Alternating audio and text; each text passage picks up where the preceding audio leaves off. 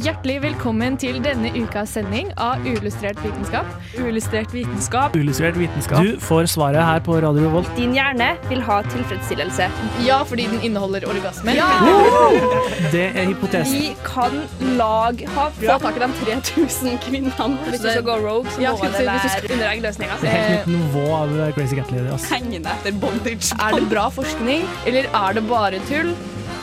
Science isn't about why, it's about why not. Hallo, hallo, hallo, og velkommen til Uillustrert vitenskap. Nå er det lenge siden. Det er lenge siden. Nå er det lenge siden vi har vært her. Eh, Men vi er endelig tilbake. I studio så er det meg, Mari. Jeg har også med meg Arian, hallo. Arian er her. Og og så er Bård en god tekniker i dag. Eller i hvert fall en god bistand. Moralsk støtte, i hvert fall. Ja, absolutt. Vi skal snakke om eh, noe så originalt som sykdom i dag. Men før vi skal snakke om det, så lurer jeg på hvordan har dere det, gjengen? Jeg har hatt sånn alle sykdommer som har gått inn. Har Nettopp, sånn og derfor skal vi snakke om det! torneinfeksjon på dette tidspunktet. Ja, herregud. Ja, for du har jo hatt uh, kyssesyken, Ja, ja, ja. blant annet. Det beryktede. Jeg kan lage topp ti verste infeksjoner du kan få. Herregud, word. Hva er topp én? Eh, gastroenteritt. Oi, det, ja. Ida, hvordan går det med det? Nei, Med meg går det bra. Jeg er litt sånn ferdig med den sykdomsbiten. Da. Ferdig i påska, så nå er jeg oppe og går, og alt lite Ja. smiler. Ja, la meg bare melde at jeg, hadde, jeg lå for døden med influensa før påske. Altså, det, var, det var helt sjukt. Det var hinsides. Jeg syns korona kan gå og ta seg en bolle i forhold. eh, så det var en sånn awakening. Jeg følte jeg var liksom Jesus og hadde eh, vokst opp fra de døde etterpå. Liksom. Da var jeg så klar for den påskeferien. Ja. Eh, Passende nok så skjedde det jo i påsken.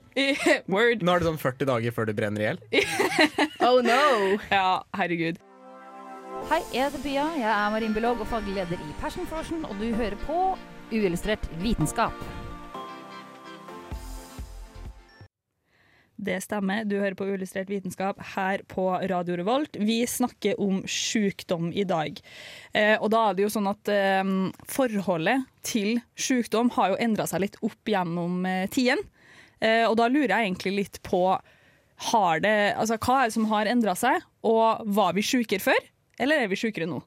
Oi, det, det er et sånn ganske bredt spørsmål, egentlig. eh, og det, det er på en måte ganske mange biter å ta for seg, men vi kan jo liksom starte med det mest basic, da. Vi har blitt jævlig mye renere enn før. Det er det veldig sånn hygiene. Der har det skjedd mange ting. Men det sykeste er jo at akkurat der eh, forholdet til hygiene Det er ikke egentlig så lenge siden at eh, mennesker har vært bedre på det. Det er sånn type 1800-tallet. Det er da 200 år siden, eh, ish-ish. Eh, og det, det er egentlig ikke så lenge siden. Når ble såpe allment tilgjengelig, liksom? Ja, eh, Og når ble rent vann allment egentlig under 200 år siden. Ja. Så liksom, og det, da snakker vi i Norge.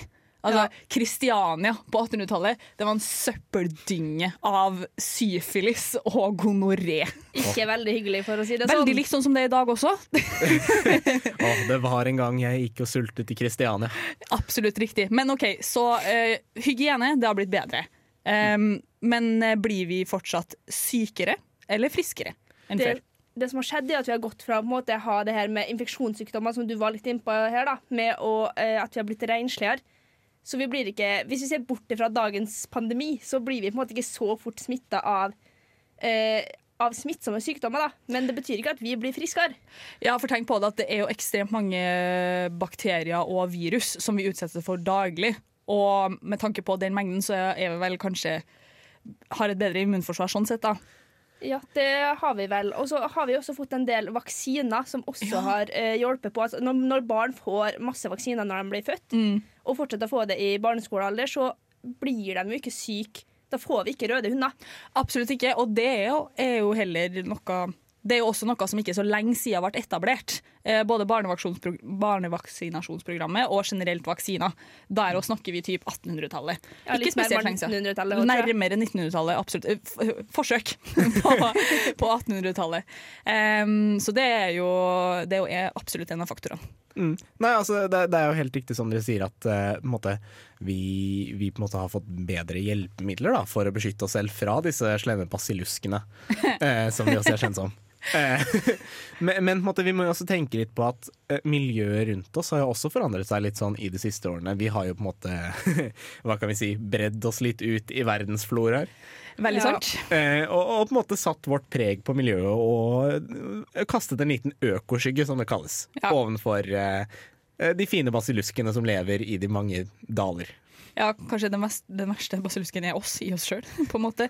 Men OK, men eh, er det andre sykdommer i dag? Det jo Enn det er før. Ja, det er det jo absolutt. Mens vi før ble eh, infektert, skal jeg ta si. Ja, Det- infisert. Nei, Infisert? er det ikke? Jo. Ja, i dag så får vi mer sånn livsstilssykdommer. Så vi blir eh, Ja, vi får hjerte- og karsykdommer, vi blir overvektige Ja. og den slags. Og da er det jo Det er jo litt vanskeligere å på en måte gjøre noe med, da kanskje? Eller?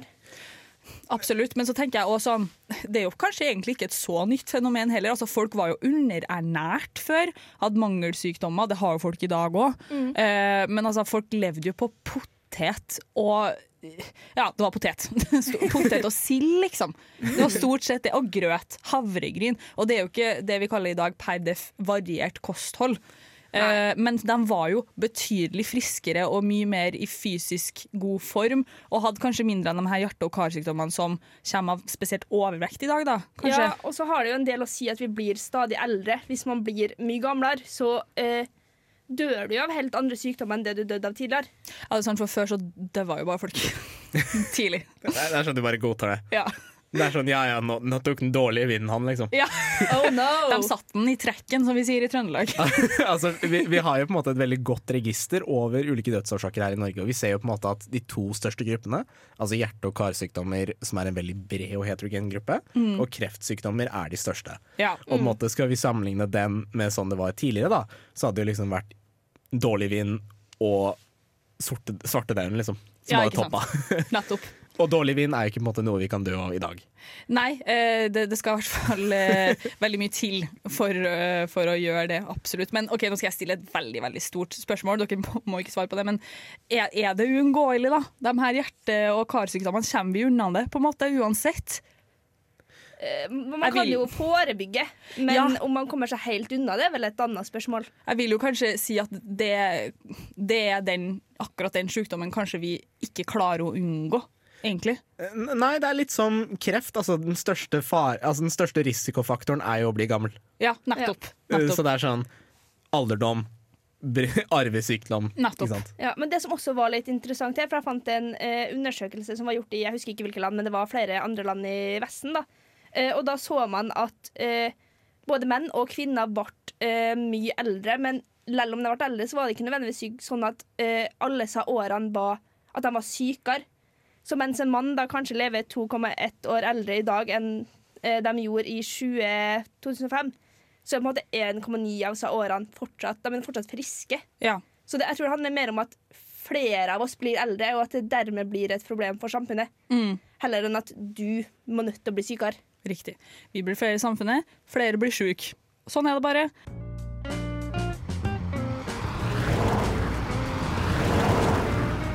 Du kjører inn uillustrert vitenskap på radio Revolt.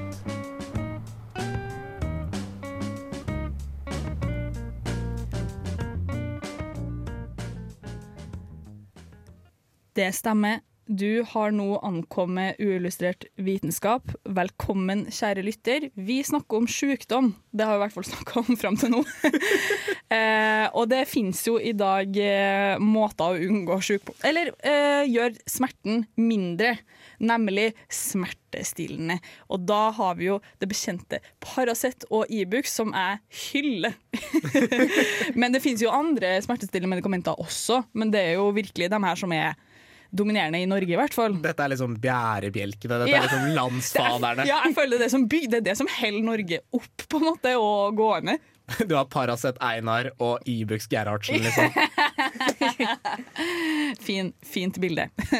fint bilde på det. Ja, men eh, ja, hvordan forholder dere dere til de her medikamentene, folkens? Hvis jeg kan stille et såpass eh, personlig spørsmål. Ja, det, er jo, det blir nesten litt for meget å svare på, Mari. Ja, Men sorry. eh, jeg tenker altså sånn jeg, har ikke et veldig anstrengt forhold til det. Jeg, har liksom sånn, jeg føler det er helt normalt. Sånn, hvis jeg har veldig mensensmerter, så tar jeg en Ibux. Og hvis jeg har vondt i hodet, så tar jeg kanskje en Paracet. Men det er ikke sånn der Det tar du ikke hver dag. Nei. Det er jo veldig, det er et veldig tilgjengelig medikament. Eh, Hva er ditt, ditt forhold til det, Arild? Ja, på en måte, jeg, tenker jeg ser jo ikke på, på Paracet og Ibux som liksom, mm, snacks, liksom. Nei. Eh, Du går og- knaske der. Ja, og heller ser jeg ikke på, en måte, på det som noe man kan ta for å forebygge, men jeg ser heller på det som et behovsmedisin. Da.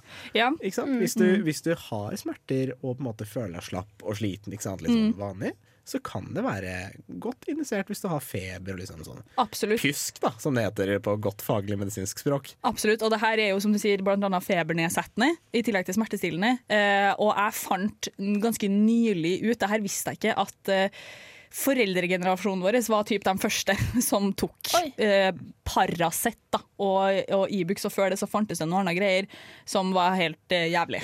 Som, og før det ingenting. Og jeg var sånn, hvordan overlevde dere? Nok om det. Jeg har faktisk forhørt meg litt med andre mennesker om hva de tenker om eh, Paracet og Ibux. Jeg har vært på Dragvoll, det, det eksotiske Dragvoll. Så jeg tenker, la oss høre litt, oss høre litt på det. Hva, hva folk eh, tenker om det. Smertestillende. Et kjent medikament blant den norske befolkninga, og blant dem her er Paracet, eller paracetamol, det mest brukte legemiddelet. I tillegg har vi Ibux, også kalt ibuprofen, og det er også et smertestillende legemiddel. Begge kategoriseres innenfor analgetiske legemidler, altså legemidler med hovedeffekten smertelindring. I tillegg er begge kategorisert som febernedsettende og til dels betennelsesdempende. Og som nevnt er de flittig brukt av det norske folk. Eller er de egentlig det? Hva slags forhold har folk til smertestillende medikamenter som Paracet og Ibux? Det er sånne medikamenter jeg tar med jevne mellomrom. Det er noe man bruker når det trenger Febernedsettende og kanskje på en søndagsmorgen. jeg syns det er bra. Eller sånn Jeg bruker det når jeg trenger det. Jeg bruker faktisk ikke smertestillende i det hele tatt, så det har jeg egentlig ikke noe forhold til. Ja vel. Så når er det egentlig folk faktisk bruker det her? Eh, nei, det er noe, noe jeg bruker når jeg er litt forkjøla, da, eller hvis jeg er litt sånn småsyk. Fyllesyk, hvis jeg står opp veldig tidlig. Nei ja, når den virkelig trenger det, så bruker den det. Da, utover det så er det ikke noe mye mer. Litt skamfull innrømmelse, så tar jeg det litt før jeg skal på en fest òg, da. OK, så hvor ligger terskelen blant de her for å ta i bruk de her medikamentene? Det er relativt lav terskel til å bruke det, ja. Mm. Eh, Hvis jeg føler meg småsyk, eller ja, hvis jeg er forkjøla eller har uh, små sykdommer, egentlig. Nei, Jeg vet ikke hvorfor, men jeg føler jeg må liksom, jeg må lide litt. Jeg vil egentlig se ganske høy terskel for å ta det, for at det skal mye til for at jeg først gjør det. Og jeg bruker mest Paracet, da. Ja, ok. Bruker ikke så mye Ibux, gjør ikke jeg. Det her er interessant. Hvorfor akkurat Paracet framfor Ibux?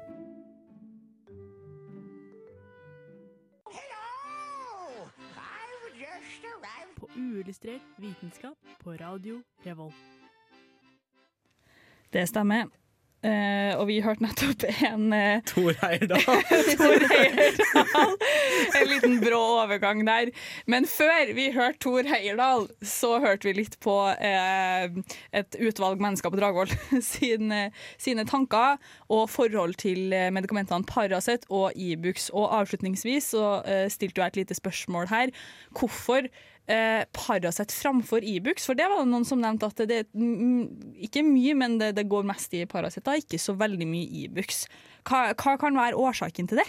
Det er vel en eh, saying om at det er lettere å bli avhengig, eller at det er lettere på en måte at Ibux At det er farligere da, å bruke enn Paracet. Men hvorvidt det stemmer, er jo et annet spørsmål. Nei, nei det har litt sånn, sånn ulike virkningsmekanismer, selvfølgelig. Paracet er jo ikke lik Ibux, og Ibux er ikke lik Paracet. Det er sant, selv om de kategoriseres begge innenfor hva var det jeg sa, pa, mm, Analgetika. analgetika og som smertestillende og feminisettende, så er det jo to forskjellige eh, medikamenter. Ja, for det syns jeg er litt interessant at folk eller sånn, Jeg tar jo ikke det for samme grunnen. Nei. Har jeg feber, så tar jeg Paracet. eh, Og hvis jeg har vondt, så tar jeg Ibux. Ja, jeg har liksom aldri tatt Paracet Med mindre jeg bare har Paracet, da, så har jeg ikke bare tatt Paracet for å dempe smerter. Ja, jeg føler mm, Det er kanskje lettere da å ta Paracet framfor Ibux, men hvorfor?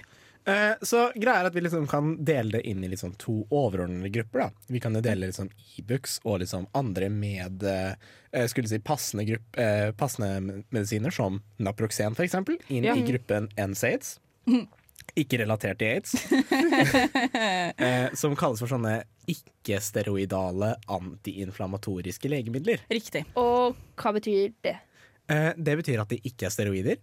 De er betennelsesdempende, altså antiinflamatoriske. Og legemidler er jo vel legemidler. Eh, det, det det innebærer, da, er jo at disse har en sånn felles virkningsmekanisme. De vil gjerne funke betennelsesneddempende ved å hindre frislipningen av visse sånne eh, skumle eh, Hva kan vi si? Eh, komplekser, sånn molekyler, som produseres i en betennelsesreaksjon. Og som på en måte setter i gang en signalkaskade for kroppen. som tenker sånn Beep her, liksom. Førstehjelp! Bam! Liksom, nå puller vi opp med blålys og liksom setter i gang feber. Woo, woo! Liksom, får det i gang. Ja. Um, og samtidig som det virker også litt mer på ledd, mer spesifikt da, enn den skjære motparten, Mm, ja. Paracet. Mm. Fordi dere, dere kom med en ganske interessant bemerkelse, syns jeg. Ja. Eh, og og det, det på en måte hører vi ganske ofte, eller det hører jeg i hvert fall ganske ofte. Eh, jeg blir jo ofte brukt som huslege, litt sånn innimellom. Ja. Eh, og da, da, da, fikk, da sa dere jo at dere brukte den mest mot feber. Eh, ja, men jeg skal jo ærlig innrømme at jeg har brukt eh, eh, spesielt Ibux mot sånn type vondt i hodet. Ja, det òg. Eh, ja. Skal du Ibux eller Paracet? Ibux. Hmm. Jeg tror kanskje Faktisk. jeg tar Paracet for vondt i hodet, men eh, Ibux for eh, muskel- og leddvondt. Men hva tenkte du på da, Arian? Nei, fordi på en måte e- en av de egenskapene som gjerne trekkes fram mest med Paracet, da, uh -huh. det virker på en annen metode. Det er en sånn syklooksygenasehemmer. Eh, ja, ikke sant? Men nå skal jeg komme med en sånn grei huskeregel. Ja. Det blokker et COX-enzym, som med andre ord en kokkblokker. Eh, eller en koksblokker, da. Ja, jo, jo. Eh, Men eh, det er ikke så nøye. Den men, men det som er greia, da, er at det har liksom sånn antipyretisk egenskap. Altså antipyretisk, antifeberoppregulerende. Så de på en måte får regulert feberen ned. Mhm. Så du får ikke måte like mange plager av en liksom feberreaksjon som gjerne kan være vondt i hodet, Ja, blant annet. det er sant. Og du får sove. Og du får sove. Ja. Ikke minst Paracet hjelper deg med å sove, Absolutt. selv om det ikke er sovemedisin. Mhm. Men måtte, en, god, en god del av den egenskapen der da, kommer at liksom, du kan gjerne behandle litt sånn andre ikke-muskulære smerter med Mhm. Paracet. Sånn eksistensi eller ikke eksistensielle smerter, da, men du skjønner hva jeg mener. Som Ja. kommer av studenteksistens. Ja. Litt sånn overført betydning. Mm. Ehm, men eh, det er jo også en annen side av saken, fordi vi kan liksom tenke på hvilke konsekvenser legemidler har for kroppen vår. Ja. Fordi Jeg vet ikke om dere har hørt noe om liksom, bivirkninger av liksom, Paracet eller Ibux? Jeg har jo hørt om det, men jeg kan ikke si at jeg har eh, kjent noe på det sjøl. Jeg har ikke møtt noen som har eh, beskrevet noen bivirkninger av det heller. Nei. Så jeg har på en måte vært litt sånn eh, Jeg har alltid følt at det har noe, vært noe som har stått på pakken for at de skal fraskrive seg ansvar, rett og slett. Eh, men eh, ja, jeg har ikke noe forhold til det. Nei, ikke utover at jeg ikke leser bruksanvisninga. Word. Wordiness. Nei, altså greia er liksom sånn, kort fortalt, da.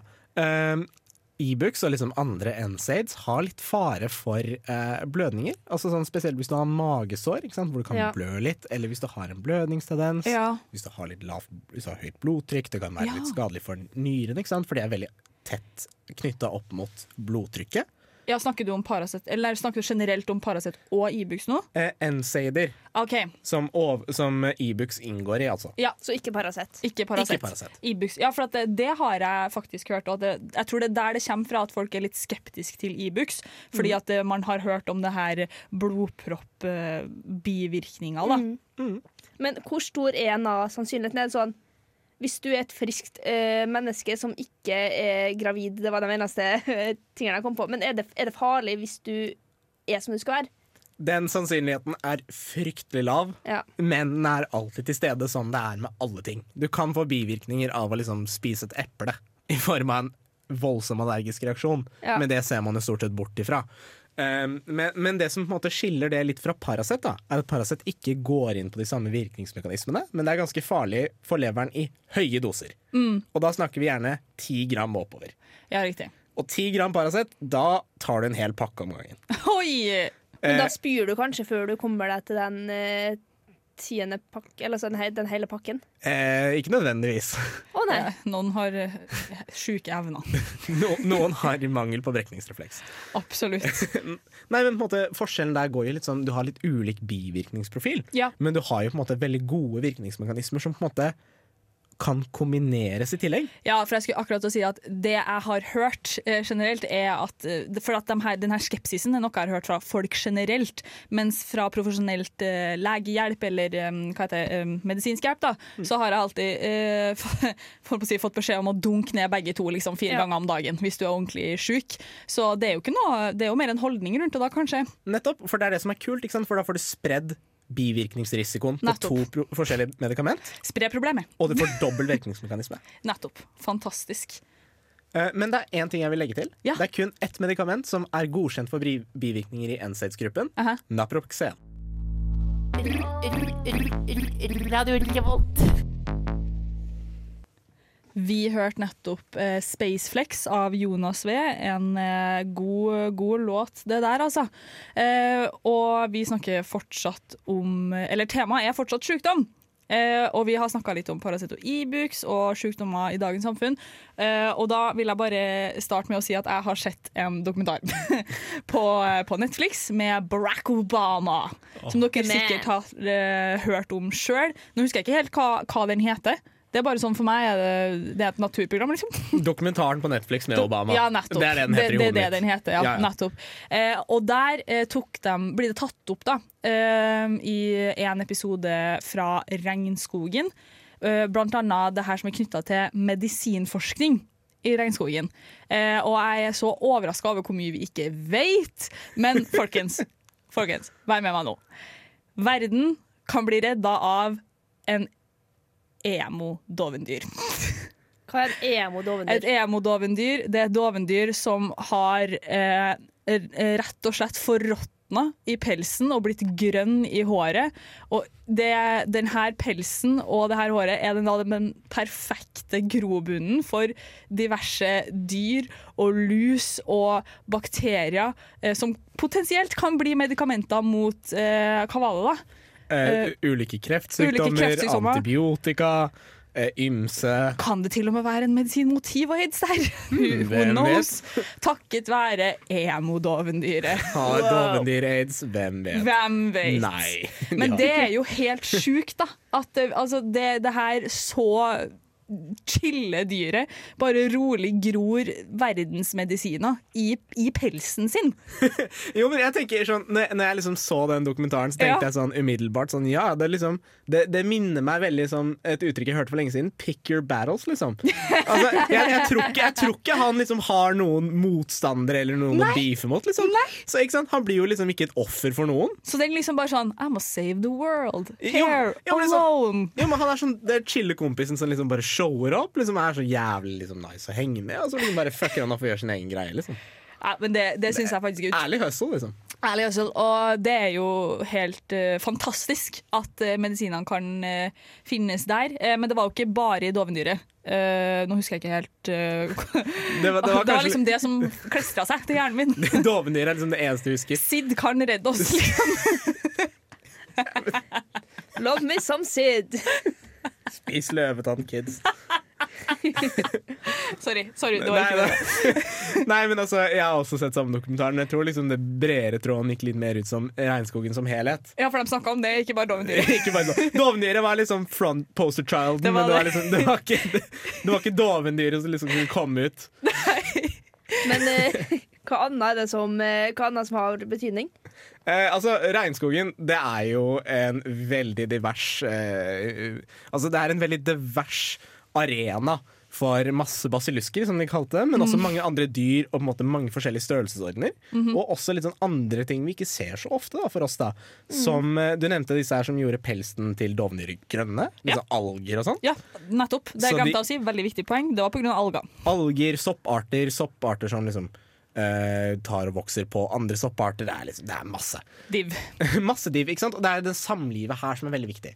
Fordi Mm. hvis det er én ting som er liksom gylne regel, det er drept, drep eller bli drept. Ikke sant? Ja. I Amazonas, ja. i Bibelen, nei. Nei. Men, men måte, det, det innebærer selvfølgelig at du liksom har fått mekanismer for å liksom beseire en annen art. og liksom det er de vi tenker vi kan overføre. Ikke sant? Mhm. Hva er antibiotika? Det er giftstoffer som bakterier egentlig produserer for å drepe andre bakterier. Ja. Eller andre arter dreper for å produsere andre ting. Ja, for det er jo ikke, det er jo ikke verre enn det, på en måte. Uh, og det biologiske mangfoldet i regnskogen er jo helt enormt. Så vi har jo på en måte alltid visst at mulighetene ligger der, men at den skulle ligge i håret til Sid, liksom, det, det tror jeg ingen hadde Jeg klarer ikke å legge det fra meg. Jeg, klarer, jeg klarer ikke å gi slipp. på det, det har det virkelig har revolusjonert hverdagen min. Jeg liksom, da, da, hvis jeg er sjuk, da drar jeg til legen sånn Where's the animals? Liksom. Where is Sid? Hvor er Sid? Kan jeg få slikke det hovnet? Nei! Um, ja ja, men litt Kan jeg få slikke det? Ja, takk. Eh, litt bort fra det, Arian. Eh, for at, eh, det her med at vi alltid har visst at regnskogen har potensial, det er jo litt interessant. Eh, er det her ny eh, Eller har det her noe sammenheng med de medisinene eller de urtene da, som har blitt brukt i mange mange år av lokalbefolkninga i regnskogen? Eh, nei, altså på en måte naturmedisin. Eh, det har jo på en måte hatt en veldig lang tradisjon. Naturmedisin er jo på en måte de vi gjerne anser som ikke-farmakologiske, altså Ja. ikke industrielt produserende. Mhm. eh, mange medisiner vi bruker nå i dag, er jo måte, har jo en felles arv med de. Mm. Eh, det er jo enda mange naturmedisiner som vi ikke kan bevise effekt for. Men det er ennå en del som har god bevist effekt. Mm. Og på en måte, vi, mye av det viktige er å huske at vårt grunnlag kommer jo fra naturen.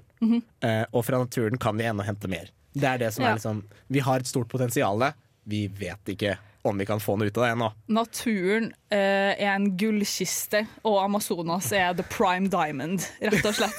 Du hører på Radio Revolt her i eh, Trondheim, studentbyen. Stemmer det. stemmer det. Velkommen til Radio Revolt og uillustrert vitenskap. Oi, ble det veldig høyt her. Opsi. Em, ja, vi går videre. Eh, det har skjedd noen ting. Det har skjedd eh, noe fra myndighetenes eh, myndighetene si side. Eh, kan ikke du eh, snakke litt om det her, Arian, for det var du som pitcha. Og dette her er en enorm kampsak for meg. Fortell oss, fortell oss om det. Ok, så I mine øyne da Så er dette egentlig en overordnet debatt om hvor mye vi verdsetter livskvalitet opp mot kostnad. Ja. Ikke sant? Fordi ved starten av året så ble det kjent at myndighetene, altså regjeringen, vil anbefale Eller de Det var et nytt lovforslag som trådte i kraft, da. Som tilsa at leger kan bli straffet, personlig bøtelagt, for å skrive ut resept på folketrygden. Så blåresept, som det kalles. Og det er et system vi har hatt tidligere, og som Ja, har vært fordi, greit. fortell litt om den blå resepten, bare sånn kjapt repetitivt hva, Eh, hva det er for noe. Du kan få legemidler dekket på folketrygden, altså velferdsstatens goder, Mhm. ehm, på et beløp som ikke kan overskrive 520 kroner. Så for deg så kan okay. ikke du betale mer enn 520 kroner for å få veldig dyr behandling, som kan koste tusenvis, om ikke millioner av kroner. Riktig. Ehm, men det som var liksom veldig sært for dette her, da, var at eh, det kom litt sånn ut av ingen steder. Eh, og man tenkte sånn Ja, vi skal personlig straffe individuelle, individuelle leger for å forskrive på denne folketrygdordningen på feil grunnlag. Og Man kan jo stille seg hva som er feil grunnlag hele Ja. tiden. Men, men måte, poenget med det da er jo at det til syvende og sist vil føre til at mange kan bli litt sånn tilbakeholdne med å Mhm. benytte seg av den ordningen, Mhm. og da går det utover folket. Og folkehelsa. Fordi det er jo folket som står igjen uten tilgang på medisiner dekket av folketrygden. Som er hele liksom, poenget med velferdsordningen. Mhm. Så da kommer vi inn på debatten hvor mye er et liv, eller hvor mye er livskvalitet verdt opp mot kostnad? Det her er jo en så vanskelig debatt og sak. Mm. Men jeg er jo enig at det, det, det er sånn, ikke bare har du studert i ekstremt mange år for å hjelpe mennesker, men du skal personlig straffes for å gjøre en, eh, for å gjøre en, en innsats. Ja, og det som er litt interessant her, er at det kommer nok ikke til å bli noe bedre. Det kommer nok bare til å bli med sånn, mer og mer restriksjoner i og med at eh, det er færre arbeids, eh, folk i arbeid da, som kan betale for her velferdsgodene. Mm. Så det er nok ikke lyse utsikter, kan jeg tenke meg. Nei, Det blir jo noen del følgefeiler, da. Nei, og på en måte hele grunnen til at jeg ville ha opp denne saken her igjen, var fordi at eh, det nylig ble tatt opp til et eh, diskusjon i Stor eh, Stortinget, der det ikke fikk flertall for å gå vekk fra den lovordningen.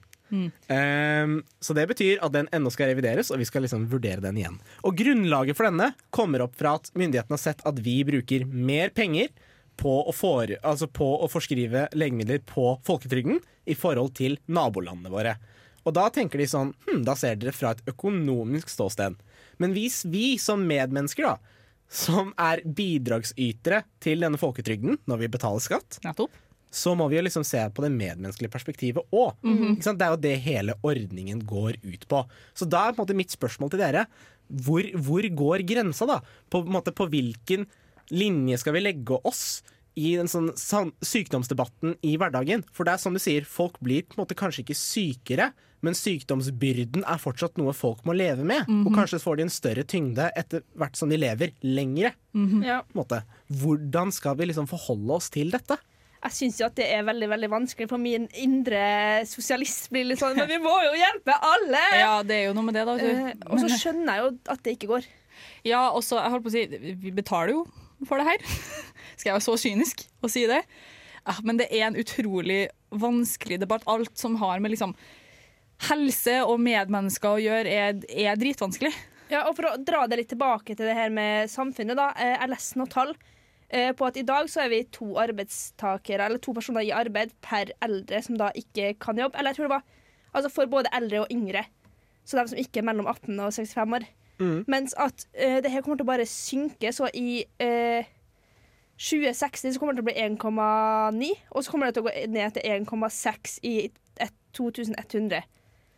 Uh, så poenget er eh, vi, vi har et problem foran oss. Vi, vi har et stort problem. Så liksom en halvannen person forsørger en eldre person. Mm. Og, ikke sant? og når du får en eldre person som lever lenger, gjerne får flere sykdommer og stor sykdomsbyrde samtidig, så Mhm. blir det på en måte en stor medikamentkostnad for å få dekket alt dette her.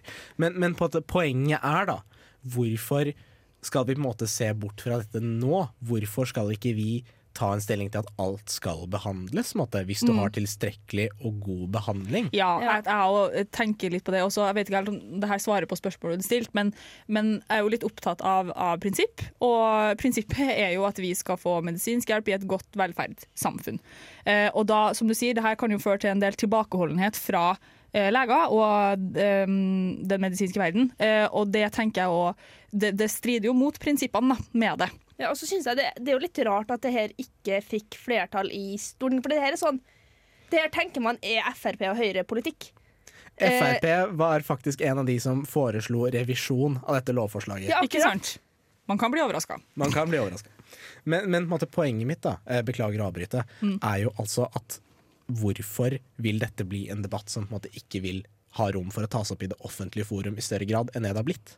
Ja, så snakk om det, rett og slett. Snakk om det. snakk om det med naboen din. Den i gata, jeg bryr meg ikke. Snakk om det. Hva er den lille prikken oppe i himmelen der?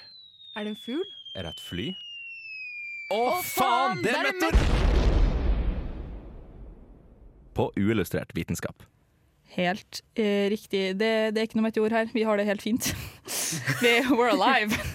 Eh, og vi skal snakke om noe jeg syns er veldig eh, eh, um, artig, og det er en kuriositet fra min side, egentlig. Eh, nemlig kjerringråd. Og for deg som har levd under en stein og ikke vet hva kjerringråd er, så er det, det er fake medisin. Artig med kjerringråd. Ja, det er artig, vet du. Det er jo, ja, hva er kjerringråd? da? Det er jo egentlig det kan jeg kalle tips og triks for å bli bedre underveis under en sykdom, eller unngå sykdom for så vidt òg. Men det er, ikke, det er jo ikke bare knytta til sykdom, det her har blitt brukt opp igjennom mange hundre år knytta til f.eks. avl og Ja. sånne ting. da. Vi skal ikke snakke om avl. Ja, men det er liksom sånn skikkelig shady shit som plukka en liksom stilk av en blåbærbusk Ja. og liksom viften over hodet 30 Ja. ganger mens du synger sånn Eh, Staying Alive, liksom. Ja, pass på å plante kåla di rundt en trestubbe. Sånne ting. Eh, gudene vet. Det er litt sånn Man lurer på om de var høye når de fant det på, eller bare, bare for fem, Eller bare sånn. desp, rett Ja, det kan også være. Det kan også være. Bare kødda sånn, ja ja. Men, Lættis, eh, liksom. ja, ja, ikke sant. Eh, Men vi alle har jo kanskje vært borti honning i teen, eh, og sitron. Eh, Sitronsaft i teen. Det er jo per def kjerringråd. Fordi kjerringråd i seg sjøl er jo som sagt egentlig bare kalle, tips og triks eh, for å overleve en sykdom. Men det er jo ting som ikke er vitenskapelig bevist. Det er jo derfor det ikke er inkludert i behandling eller eh, medisiner per def. Da. Men det er jo flere leger som eh, si, også sier at det vil ikke være det er ikke uunngåelig å anbefale kjerringråd, fordi at folk tror det har en effekt.